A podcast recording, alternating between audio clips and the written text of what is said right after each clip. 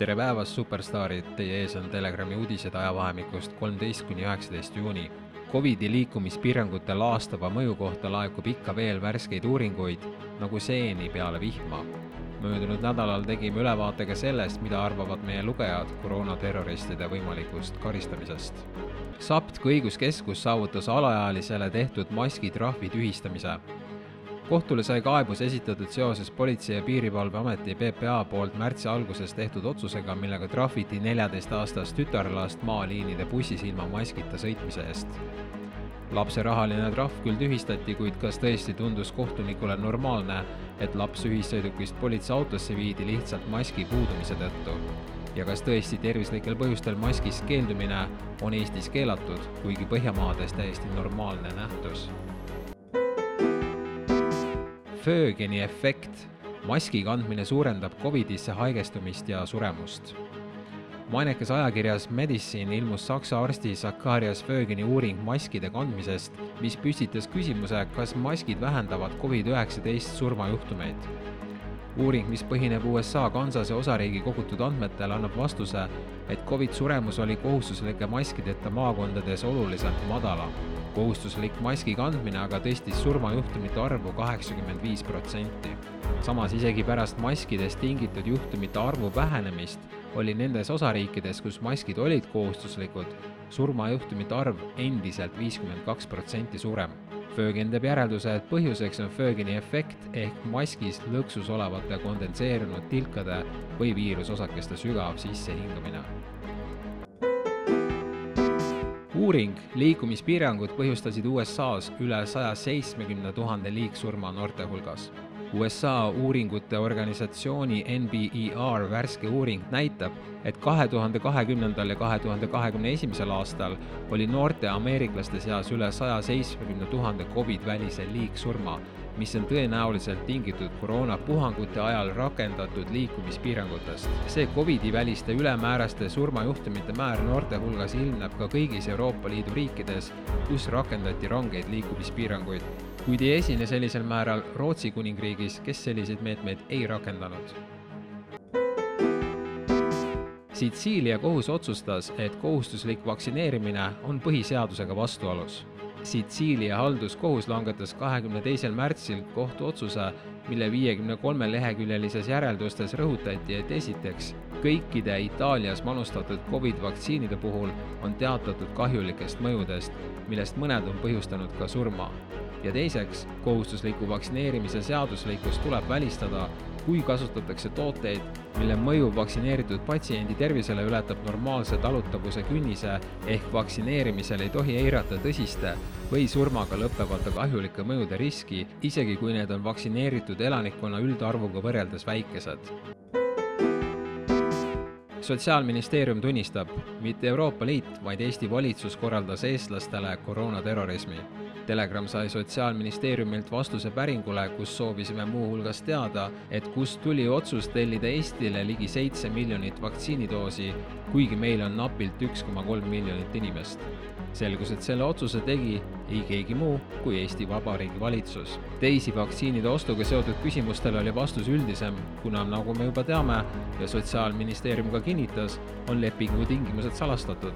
näiteks ei avaldatud meile vaktsiinidoosi hinda mis sest, et need ostud sooritati maksumaksja raha eest.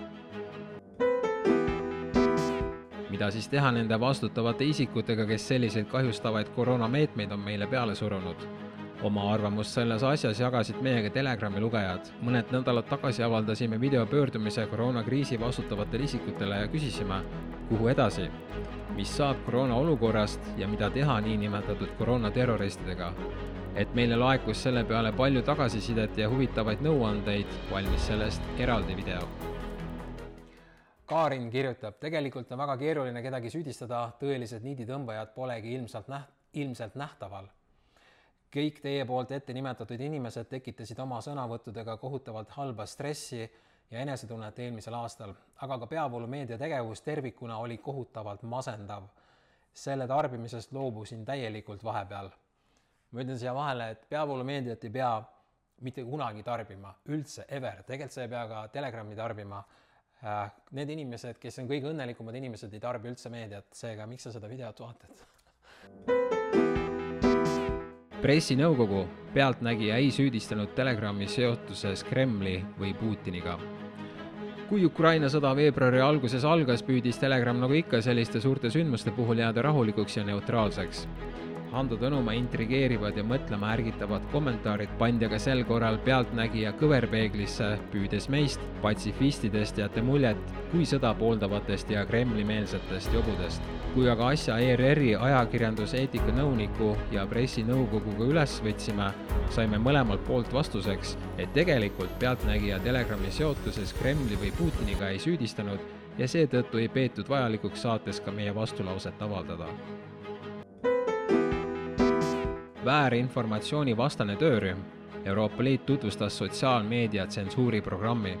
Kui viimase kahe aasta jooksul on parimaks tsenseerimisvahendiks olnud niinimetatud vandenõuteoreetikute naeruvääristamine pealtnägija stiilis, siis nüüd on ette võetud samme ka tsensuuri seadustamiseks uue juhendi üks peamisi uuendusi on nõue, et reklaamiplatvormid ei teeniks tulu desinformatsiooni levitavatelt lehekülgedelt. väljendusvabaduse põhimõtet järgides ei hakata aga desinformatsiooni kustutama, erinevalt ebaseaduslikult sisust. Kes aga otsustab, kust läheb piir väärinfo ja ebaseadusliku sisu vahel?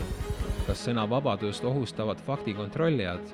omamoodi irooniline on aga tõsiasi, et suured platvormid on viimastel aastatel tsenseerinud infot ja teadlasi, kellel oli pandeemia osas õigus, kuid samal ajal propageerides teadlasi ja faktikontrollijaid, kes selles eksisid.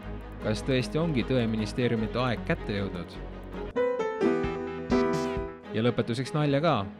CDC edastas soovitused seksimiseks, kui sul on ahvirõuged kas mäletate veel, kui CDC soovitas koroona vastu võidelda sukapükse pähe tõmmates? nüüd aga leiab USA haiguste ennetamise ja kontrolli keskus, et ahvirõugete korral võiks seksi ajal jätta riided selga või masturbeerida teineteisest ühe koma kaheksa meetri kaugusel.